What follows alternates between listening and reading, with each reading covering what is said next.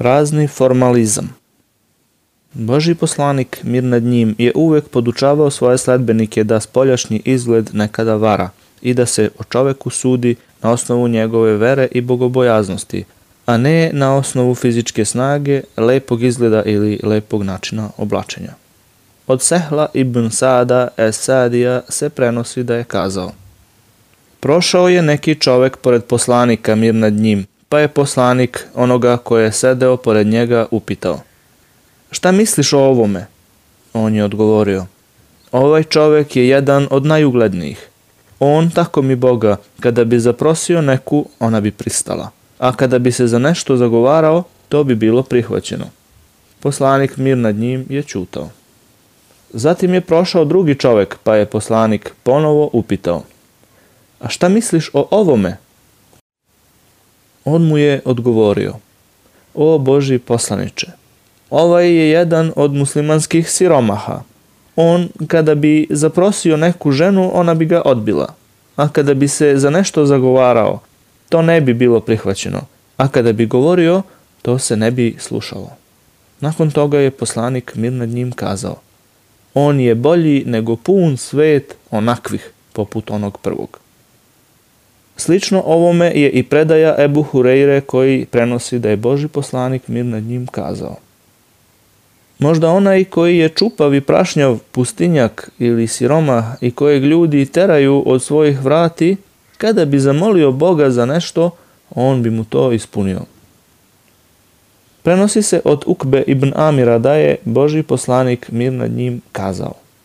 Nijedan čovek nije vredniji od drugog – osim ako je vernik ili radi dobra dela. Dovoljno je čoveku zla da bude bestidan, odvratan, škrtica i kukavica.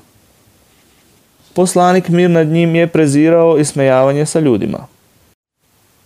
Prenosi se od Ibn Mesuda da je kazao Jednom prilikom sam Božijem poslaniku hteo da odsečem misfak sa drveta, grančicu za čišćenje zuba.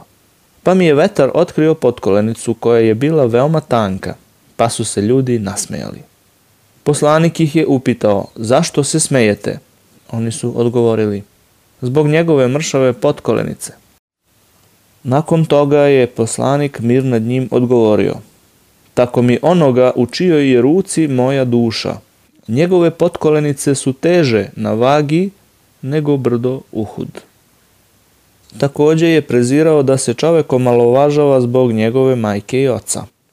Tako se prenosi od Ma'rura ibn Suvejda da je kazao Prolazili smo pored Ebu Zerra, noseći maslac, a na Zerru je bila ista odeća kao i na njegovom slugi, pa sam kazao Da si sastavio to što ste ti i tvoj sluga obukli, mogao si napraviti odeću. On je kazao ja sam jednom pričao sa nekim čovekom kojim je majka bila strankinja, pa sam ga povredio zbog njegove majke. Taj čovek se požalio verovesniku mir nad njim na mene, pa mi je verovesnik kada sam ga sreo rekao Ti si zaista čovek koji u sebi ima nešto iz džahilijeta, predislamskog perioda.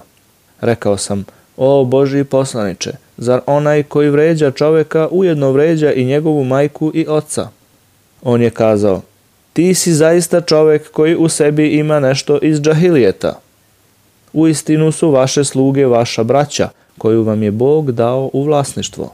Pa ko bude imao u svojoj vlasti slugu, neka ga hrani čime se i on hrani i oblači u ono što i on oblači. I neka ga ne opterećuje onim što ne može podneti, a ako ga optereti, neka mu pomogne.